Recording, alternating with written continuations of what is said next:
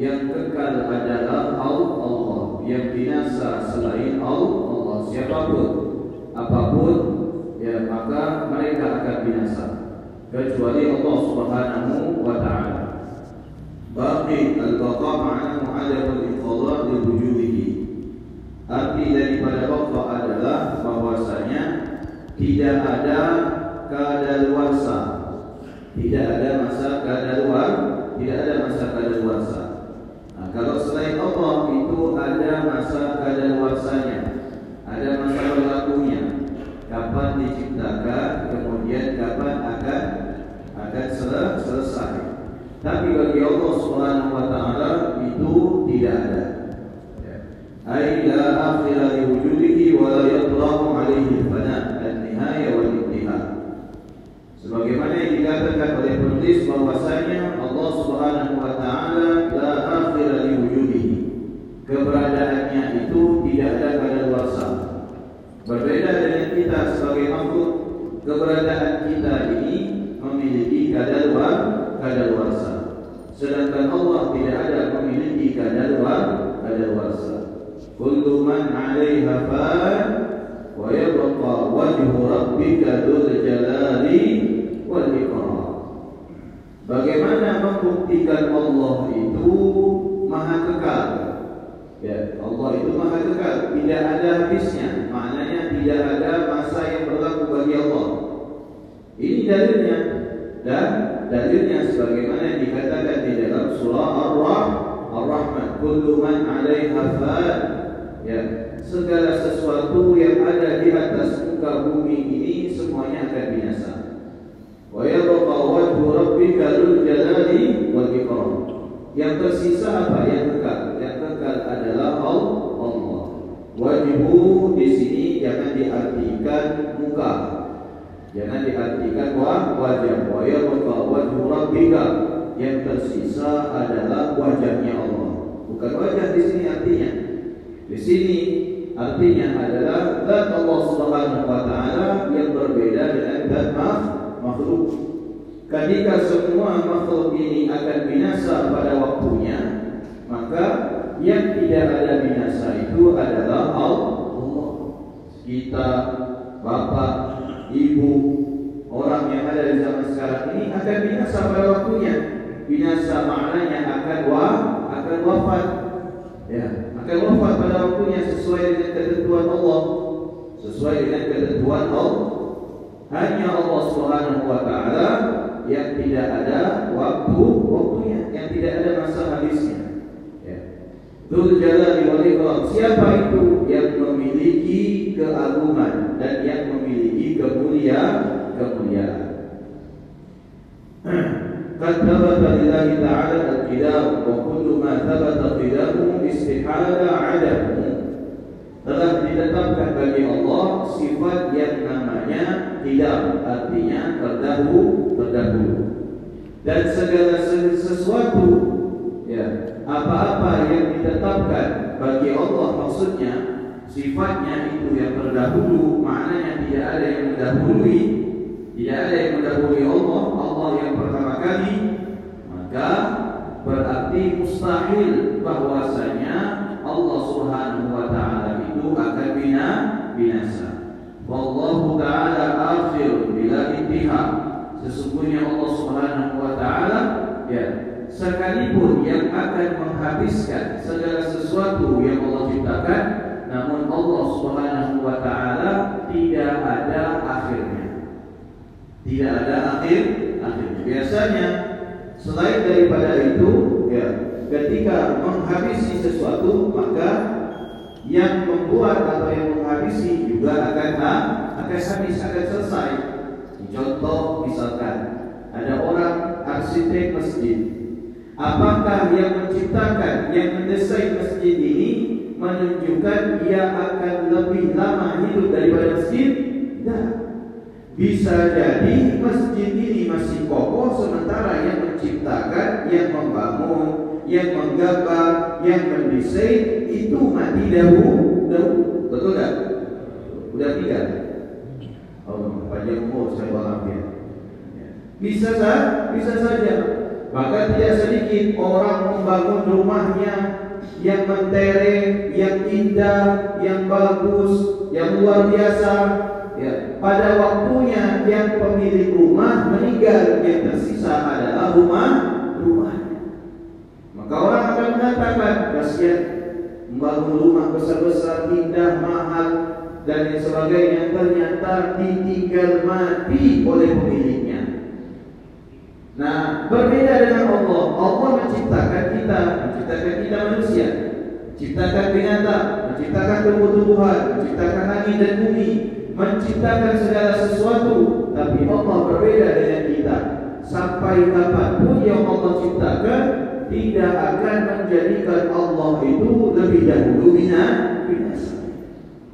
Dan tetapi sebaliknya menunjukkan segala sesuatu selain Allah itu akan binasa terkecuali Allah Subhanahu wa taala. Ini yang dimaksud dengan sifat baqa. Wa annahu ta'ala wa annahu ta'ala wa la yalhaquhu al-'adab fi waqti min al-awqat. Annahu ta'ala la yuzulu aslan. Allah Subhanahu wa taala tidak akan pernah binasa sama sekali. Allah Subhanahu wa taala baqin abada. Sesungguhnya Allah Subhanahu wa taala maha kekal selama-lamanya. Innahu laisa nisman fayamut. Sesungguhnya Allah itu bukan terdiri dari unsur tubuh. Sesungguhnya Allah itu tidak berunsur tubuh. Karena yang berunsur tubuh ini adalah makhluk dan yang berunsur tubuh ini lambat laun akan bina binasa. Ya, saya kasih contoh misalkan kalau di daerah timur tengah itu yang namanya bangkai itu tidak akan keciuman. Itu tidak akan kecium, keciuman. Kenapa? Karena di daerah sana itu panasnya luar biasa. Saking panasnya, kalau ada bangkai itu nggak akan keciuman berhari-hari. Kenapa? Karena daerahnya kering. Berbeda dengan kita lembab. Kalau kita lembab ini, bangkai itu akan keciuman sampai berhari-hari. Nah, segala sesuatu yang memiliki unsur tubuh seperti kita, seperti hewan, lambat laun akan ma akan mati, akan menjadi. Sementara bagaimana bentuknya Allah? Bentuknya Allah bukan terdiri dari materi. Bentuknya Allah Subhanahu wa taala tidak memiliki bentuk sebagaimana bentuk para makhluk. Allah Subhanahu wa taala bukan terdiri daripada jisim. Sebagaimana kita sesungguhnya Allah berbeda dari segala sesuatu yang kita duga atau yang kita kira-kira. Kalau ada yang mengira Allah memiliki bentuk, maka Allah Maha Suci dari segala bentuk. Kalau ada yang mengira atau beranggapan Allah berfisik, maka Allah Maha Suci dari segala fisik. Kalau ada yang meyakini Allah Subhanahu wa taala terdiri dari beberapa materi, maka sesungguhnya Allah Subhanahu wa taala Maha dari segala macam materi. Nah kalau kita makhluk terdiri daripada materi, materi ada yang namanya ular, ada yang namanya darah, ada yang namanya kulit, ada yang namanya daging. Tidak ada manusia hidup tanpa tulang, ada. Ada tidak manusia hidup tanpa tulang? Tidak ada. Sekurus-kurusnya manusia tetap memiliki tulang dan daging. Dan segemuk-gemuknya manusia juga terdiri daripada tulang dan daging. Hanya saja terkadang omongan kita ini mengecoh. Ya, orang gemuk dibilang banyak dagingnya. Orang kurus tiba dibilang tidak ada daging dagingnya. Yang ada cuma kulit sama tulang. Dagingnya tidak ada. Dan seperti itu. Sekurus-kurusnya manusia tetap ada daging, tetap ada daging. Segemuk-gemuknya manusia tetap ada tulang, tulang. Manusia tidak akan dipisahkan daripada tulang. Manusia tidak akan dipisahkan daripada yang namanya daging. Itu yang dimaksud terdiri daripada beberapa materi. Sedangkan Allah jauh dari sesuatu itu. Allah tidak memiliki tulang, Allah tidak memiliki daging dan sebagainya. Allah Subhanahu wa taala berbeda daripada makhluk. Wala madda fatatahallalu wa tadu. Innahu daim alladhi yasiru ilahi kulla syai'. Dan Allah Subhanahu wa taala bukanlah sebagaimana waktu. Yang barangkali waktu ini ada awal dan akhir. Awal waktu kapan dan akhir waktu kapan. Kapan awal waktu kita hidup? Ketika dilahirkan ke muka bumi ini. Kapan akhirnya kita hidup? Ketika dipanggil oleh Allah Allah Subhanahu wa taala tapi kalau bagi Allah tidak ada tidak ada Allah itu awal waktu penciptaannya tidak ada bagi Allah Subhanahu wa taala akhir daripada adanya Allah Subhanahu wa taala. Sesungguhnya Allah Subhanahu wa taala Maha sempurna. Qala al-'allamah al-Fudhali inna asy-syai' alladhi yajuzu 'ala al-adam yantafi 'anhu al-qidam. Salah seorang ulama al-Fudhali mengatakan yang memiliki nama Muhammad bin Syafi'i al-Fudhali seorang ahli fiqih di negara Mesir dan termasuk daripada guru Al-Imam Al-Bajuri beliau mengatakan di dalam sebuah kaidah apa kata beliau segala sesuatu yang berlaku baginya binasa maka tidak akan berlaku baginya kekekalan atau keabadian. Nah, kita semua ini makhluk, kita semua ini binasa ya. Binasa kita. Apakah ada yang menjadi kita ini akan kekal? Apakah ada yang menjamin kita ini akan abadi? Tidak ada. Siapa yang bisa menjamin kita ini abadi? Tidak ada. Siapa yang bisa menjamin kita ini kekal? Tidak ada.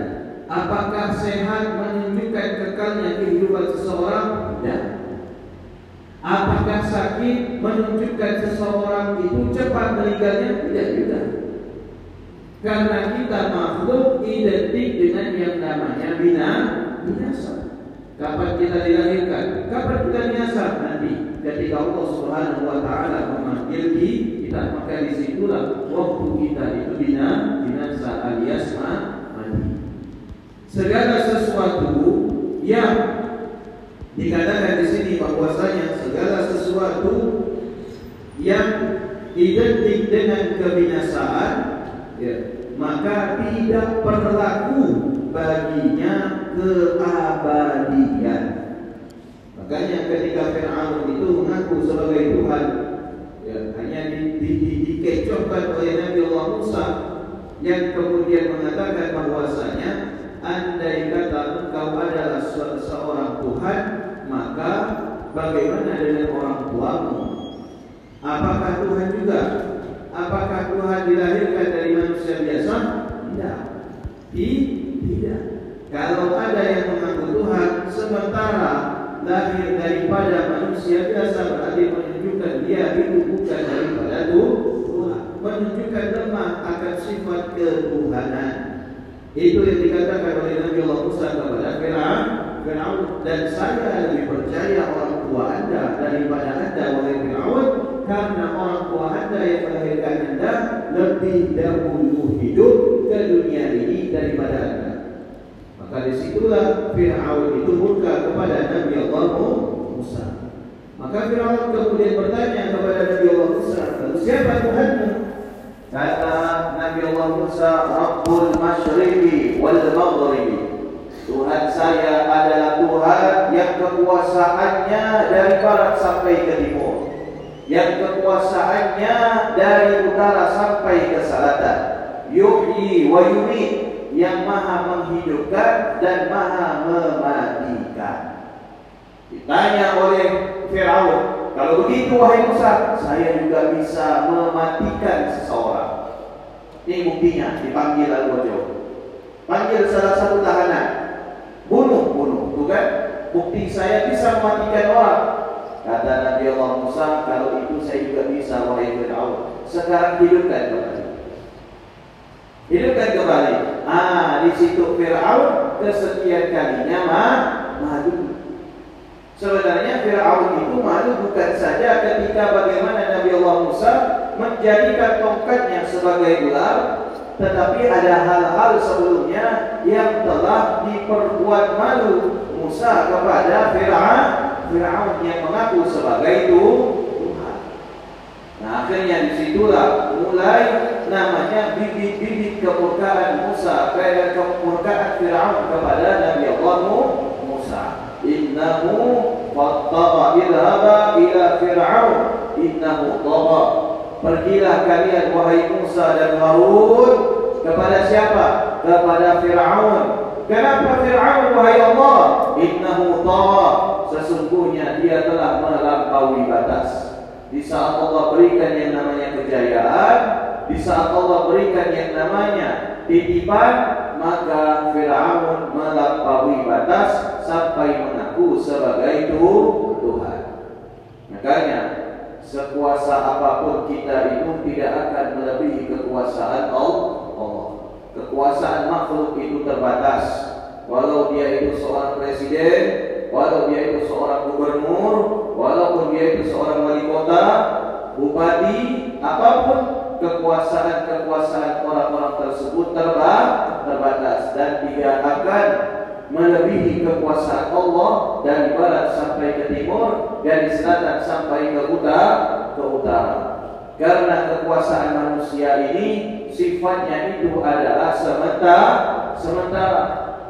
Seorang kepala rumah tangga ber, berpuasa di rumah tangganya, apakah selama-lamanya? Tidak. Hanya sementara, sementara begitu meninggal pemimpin rumah tangga, maka habislah kekuasaannya kepada rumah tangga seorang pemimpin daerah, baik dia itu bupati, baik dia itu lurah, baik dia itu camat, RT, gubernur, wali kota, atau bahkan presiden, kekuasaannya itu sifatnya hanya sementara, tidak selama-lamanya. Begitu Allah Subhanahu wa taala menitipkan kekuasaan, maka kekuasaan itu akan diambil kembali oleh Allah Subhanahu wa taala. Tu'til mulka tasha wa tu'izzu man tasha wa tudhillu man tasha. Maka subhan Allah Subhanahu wa taala menganugerahkan kepada makhluk itu berupa kekuasaan. Dengan kekuasaan itu akan menjadi mulia sebagaimana Nabi Allah Daud dan Nabi Allah Sulaiman dan sebaliknya dengan kekuasaan itu seseorang bisa juga menjadikan Allah itu mur murka sebagaimana Firaun, sebagaimana Namrud dan sebagaimana Jalut. Maka kita mohon kepada Allah andai kata Allah titipkan kita kekuasaan, semoga kekuasaan ini bisa kita jalani dengan amanah dan mendapatkan ridho Allah Subhanahu wa taala. Amin ya rabbal alamin. Karena kulla man al-adam yakunu wujuduhu. Ini sebagaimana yang dikatakan oleh Al-Imam Al-Bukhari bahwasanya segala sesuatu yang sifatnya itu akan binasa ya maka keberadaannya itu bukan wajib tapi jais. Ini kaidah. Segala sesuatu ya yang memiliki sifat kebinasaan maka wujudnya keberadaannya itu jais keberadaannya itu jais jais itu apa artinya? Bisa jadi bisa di bisa tidak. Siapa contohnya? Ya kita. Apakah wujudnya kita ini wajib? Tidak karena kalau wujudnya kita ini wajib berarti kita ini sama dengan yang namanya Allah. Tapi wujudnya kita ini jais. Wujud kita ini jais bisa jadi bisa di bisa tidak. Kenapa jais? Karena kita memiliki waktu. Keberadaan kita adanya kita dibatasi oleh waktu. Ya, keberadaan kita adanya kita dibatasi oleh waktu. Dan ketika sudah masuk waktunya maka kita akan bina binasa wujudnya Allah itu wajib. Kenapa wajib? Karena keberadaan Allah tidak dibatasi oleh waktu.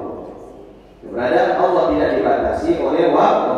Itulah beda wujudnya kita dengan wujudnya Allah. Allah Subhanahu wa taala. Kalau wujudnya Allah wajib, wujudnya kita itu adalah jaiz.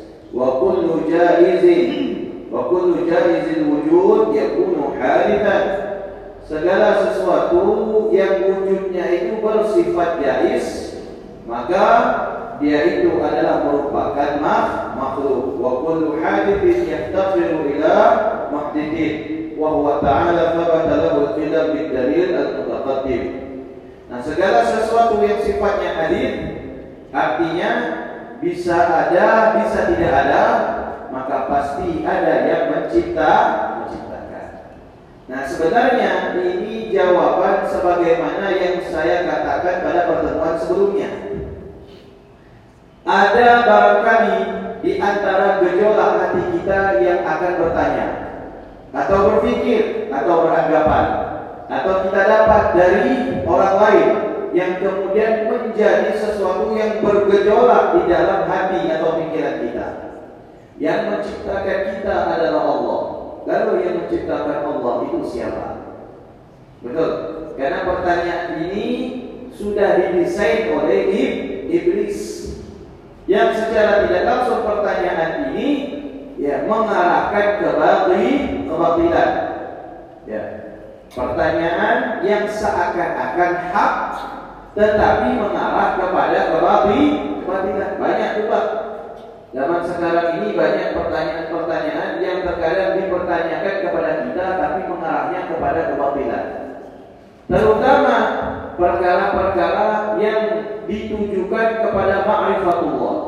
Sebenarnya tujuan mereka itu ingin ma'rifat kepada Allah hanya saja karena tidak ada landasan atau karena tauhidnya itu lemah atau rapuh hingga pertanyaan tersebut justru mengarahkan yang bertanya itu kepada kebatilan. Apa contohnya? Ya ini. Bertanya, yang menciptakan kita ini siapa Ustaz? Allah. Kalau yang menciptakan kita ini adalah Allah, Lalu yang menciptakan Allah itu siapa? Nah, maka di dalam hati akan bertanya, ah, betul juga ya. Kalau yang menciptakan meja ini adalah saya sebagai tukang, lalu yang menciptakan saya sebagai tukang adalah Allah, lalu siapa yang menciptakan Allah? Pasti ada yang menciptakan Allah. Nah, di sini sebuah anggapan yang muncul dari pertanyaan itu akan membawa kepada kebatilan tidak sedikit orang yang semacam ini kemudian meyakini tidak adanya Tuhan. Tidak sedikit orang yang beranggapan semacam ini kemudian meyakini tidak adanya Tuhan, tidak adanya Allah. Hidupnya kita ini secara otomatis hidup dengan sendiri, sendiri tidak ada yang menciptakan. Karena yang menciptakan tidak diketahui siapa yang menciptakan. Mulai itu ilmu-ilmu filsafat Yunani itu bermain akhirnya cenderung kepada logi, logika dan logika mengalahkan yang namanya keiman keimanan. Nah, di sini sudah membedakan bahwasanya Allah itu sifatnya tidak. Allah itu sifatnya baka. Sedangkan kita ini sifatnya adalah tidak tidak. Kita juga tidak baka. Kita sama Allah sama-sama wujud ada tapi berbeda wujudnya. Wujudnya Allah tidak dibatasi dengan waktu, sementara wujudnya kita dibatasi dengan waktu. Segala sesuatu yang dibatasi dengan waktu, maka dia akan binasa pada waktunya. Betul? Jelas? Maka menunjukkan bahwasanya segala sesuatu yang berkaitan dengan waktu itu adalah makhluk. Jelas? Itu adalah makhluk. Sedangkan Allah sendiri tidak berkaitan, tidak berbatasan dengan waktu. Dan ketika makhluk ini yang berbatasan dengan waktu, maka wujudnya wujudnya itu, keberadaannya itu ada yang mengadakan berarti yang mencipta. Siapa yang menciptakan? Allah. Karena yang berhak menciptakan manusia itu adalah zat yang tak dibatasi oleh waktu. Andai kata Allah dibatasi oleh waktu, maka menunjukkan Allah dengan makhluk wujudnya itu sama-sama akan dibatasi oleh waktu dan pada akhirnya akan binasa. Berarti sama wujudnya Allah dengan makhluk itu sama-sama makhluk. Ah, di sini tauhid kemudian bekerja. Tauhid menepis. Apa yang ditepis oleh tauhid? Yang ditepis oleh tauhid adalah anggapan bahwasanya adanya Allah dengan adanya kita itu berbeda, tidak sama. Adanya Allah tidak berbatas dengan waktu, adanya kita berbatas dengan waktu. Adanya Allah, eksistensi Allah itu tidak kemudian bapak, sementara eksistensi kita sebagaimana makhluk adalah tidak tidak dan tidak bapak. Begitu cara me, apa namanya membandingkannya. Lalu jangan disamakan apa namanya jangan disamakan langsung, tetapi kita duduki kedua-duanya. Bagaimana wujudnya Allah, bagaimana wujudnya makhluk. Apakah wujud ini secara bahasa dan secara makna sama? Secara bahasa sama, tetapi secara makna itu berbeda.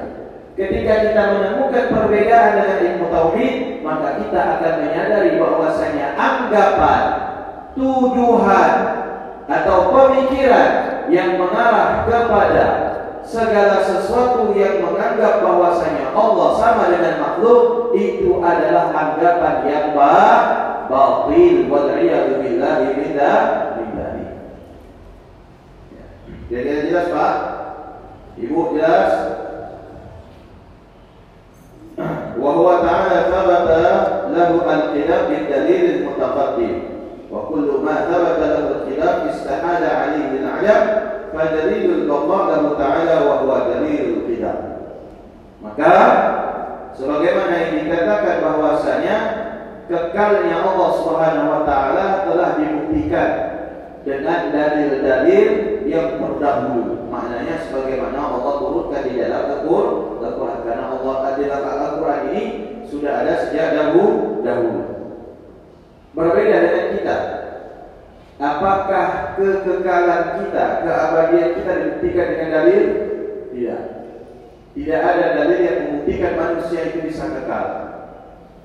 Tidak ada dalil itu yang membuktikan manusia itu hidup dalam keadaan abadi. Semuanya itu akan bina, binasa kecuali Allah Subhanahu wa taala. Sedangkan Allah kekekalannya, keabadiannya apakah bisa dibuktikan dengan dalil? Bisa dibuktikan dengan dalil. Sebagaimana yang dikatakan di dalam Al-Qur'an, "Wal awwalu wal akhir." Itu salah satu bukti secara dalil bagaimana Allah Subhanahu wa taala memiliki sifat tidak. Bagaimana Allah Subhanahu wa taala memiliki sifat baqa telah dibuktikan dengan beberapa dalil. Sedangkan manusia, apakah dalil ada dalil yang menguatkan manusia itu bisa kekal dan abadi? Tidak ada. Apakah ada bukti yang menunjukkan manusia itu kekal dan abadi? Tidak ada. Karena yang namanya manusia itu akan datang dengan waktu, akan datang pada waktunya manusia itu akan hilang. Mukhalifun lil khalqi bil itlaqi. Kemudian sifat Allah Subhanahu wa taala selanjutnya adalah mukhalifun lil khalqi bil itlaqi yaitu Allah Subhanahu wa taala tidak sama dengan mak tidak sama dengan makhluk. Mukhalifun lil khalqi bil itlaqi. Apa lawannya? Lawannya adalah mumathilatun lil hawa lil hawadith. Mukhalifatun lil hawadith lawannya adalah mumathilatun lil lil hawadith. Ada orang yang menganggap bahwasanya Allah sama dengan manusia. Allah punya kepala, Allah punya kaki, Allah punya tangan, maka kita wajib untuk menjawab sesungguhnya Allah memiliki sifat mukhalafatun lil hawadith. Allah itu berbeda dengan yang namanya makhluk. Apa maknanya? Adamul mumatsalah atau musyabahah lil khalqi. Allah tidak sama apa pun. Dari segi apa pun Allah tidak sama dengan yang namanya makhluk. Dari zat tidak sama. Dan sifat juga tidak sama. Ya, tidak sama, tidak sama. Maka di sini menunjukkan Allah itu berbeda dengan makhluk. Kalau misalkan ada yang mengatakan tubuhnya sama, sifatnya berbeda, berarti ada kesama kesamaan. Tuh sama-sama gemuk, tapi beda sifatnya. Yang satu penyabar, yang satu pemarah. Ya, gemuknya sama, tetapi sifatnya berbeda. berbeda. Yang satu penyabar, yang satu pemarah, tapi secara fisik sama-sama gemuk. Berarti menunjuknya, menunjukkan adanya kesamaan. kesamaan. Nah, kita dengan Allah, apakah ada yang menunjukkan akan kesamaan kita dengan Allah? Tidak ada. Secara tubuh, Allah tidak bertubuh sebagaimana manusia. Allah tidak berbentuk sebagaimana manusia. Manusia kita memiliki bentuk. Coba kita berdiri di bawah lampu, kemudian ada bayangan, itulah bentuk kita. Atau misalkan matahari berada tepat di atas kepala, kita berdiri, maka itulah bentuk daripada tubuh kita bayangkan. Sementara Allah, apakah ada bentuknya? Tidak ada. Apakah Allah memiliki tubuh? Tidak juga. Apakah Allah memiliki musuh? Tidak juga. Tidak, tidak juga. Maka secara fisik Allah berbeda dengan yang namanya makhluk. Kalau secara sifat bisa saja menyamakan antara makhluk dengan makhluk. Contoh, misalkan ada kurus, ada gemuk. Ada kurus, ada gemuk. Secara fisik berbeda, tetapi secara sifat sama. Apa samanya? Sama-sama sabar sama-sama baik, sama-sama mulia, sama-sama murah hati, sama-sama dermawan. Tapi secara tubuh berbeda, fisiknya berbeda. Tetapi yang menyamakan mereka, yang menyatukan mereka adalah si sifat. Dan itu dibuktikan melalui apa? Pasangan suami is, istri. Kok bisa kompak ya? Padahal beda lagi. Kok bisa kompak? Padahal beda orang tua, orang tua. Kok bisa kompak? Padahal beda bentuk. Suaminya kurus, istrinya gemuk. Ini contoh bu, contoh. Bukan bukan ngejek saya contoh, contoh. Tapi kenyataannya memang begitu. Ya. Istrinya makmur, suaminya bu, kurus. Tapi sama, sama-sama kompak. Ke masjid sama-sama, ke pasar sama-sama, belanja sama-sama, makan sama-sama, ke restoran sama-sama sama-sama saling menyayangi berbeda kelamin berbeda berbeda bentuk tetapi sifatnya sama. Nah kita dengan Allah tidak sama. Kita pemarah Allah Subhanahu wa taala maha pemurah. Kita baik tapi Allah justru lebih baik lebih baik. Kita dermawan Allah justru lebih dermawan itu yang membedakan antara makhluk dengan Allah Allah Subhanahu wa taala. Wa summu hawaditha li Allah taala ahdathahu ay khalaqahu. Allah taala la nadhira wa la shabila wa la mumathila fi dhatihi wa la sifatihi wa la af'ali. Sesungguhnya Allah itu tidak ada yang bisa sebanding dengannya baik itu secara apa namanya sifat baik itu secara zat dan yang sebagainya. Qala ta'ala laisa kamitslihi syai'un wa huwas samiul basir. Ini adalah salah satu daripada sifat Allah yang menunjukkan bahwasanya ini adalah salah satu dalil naqli bukti secara naqal di dalam Al-Qur'an yang menunjukkan bahwasanya Allah berbeda dengan makhluk laisa kamitslihi syai'un wa huwas samiul basir. Apa pun apa pun itu ya, apa pun itu tidak ada yang sebanding dengan Allah. Tidak ada yang menyamai Allah. Kalau kita banyak misalkan Pak Ustaz ini alim, ada tak orang yang sama alimnya dengan Pak Ustaz? Oh, lebih alim banyak. Lebih alim banyak malahan. Jangan kalau satu diri yang alim segitu. Lebih alim banyak dari satu diri. Lebih alim lebih alim banyak. Ya, ada yang namanya uh, Gus Bahar, ada yang namanya Profesor Gus Syahab, ada yang namanya Ustaz Abdul Somad, ada yang namanya Ustaz Ali Hidayat. Itu lebih alim jauh daripada Ustaz Somiri. Ya. Yang sebanding apalagi yang lebih alim banyak. Nah, sedangkan Allah jangankan yang lebih, yang sebanding tidak ada. Yang sebanding tidak ada, tidak ada apalagi melebihi Allah. Maka itu adalah mustahil. mustahil. Laisa kamitslihi syai'un wa huwa as-sami'ul basir wallahu a'lam bissawab. Mudah-mudahan Allah Subhanahu wa taala menjadikan ilmu kita bermanfaat. Amin. Bermanfaat untuk menjaga akidah kita semua di dunia dan di akhirat. Semoga Allah meluruskan iman dan akidah kita serta meluruskan iman dan akidah keluarga serta keturunan kita. Amin ya rabbal alamin. Mari kita baca sifat wajib bagi Allah Subhanahu wa taala. Allah wujud tidak baqa mukhalafatun lil hawadisi María.